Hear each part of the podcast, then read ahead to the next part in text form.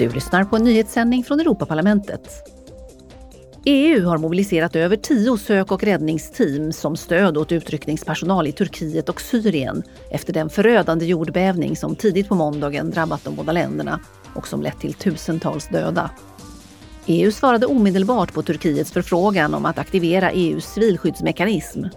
EUs satellitsystem Copernicus har också aktiverats för att ge tillgång till karttjänster i det här nödläget.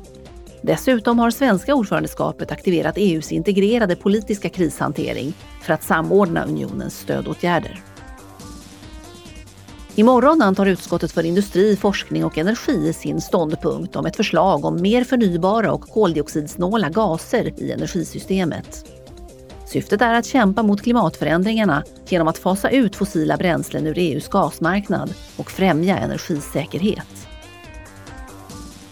Alla unga mellan 16 och 30 år är välkomna att delta i den femte upplagan av Europeiska ungdomsevenemanget. Evenemanget hålls i Strasbourg den 9 och 10 juni. Deltagarna ska diskutera och utbyta de bästa idéerna om EUs framtid.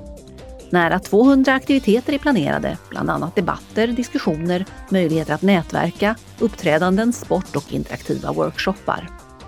Sista anmälningsdag är den 24 februari, men anmälningar tas emot enligt först till kvarn-principen. Du har lyssnat på en nyhetssändning från Europaparlamentet.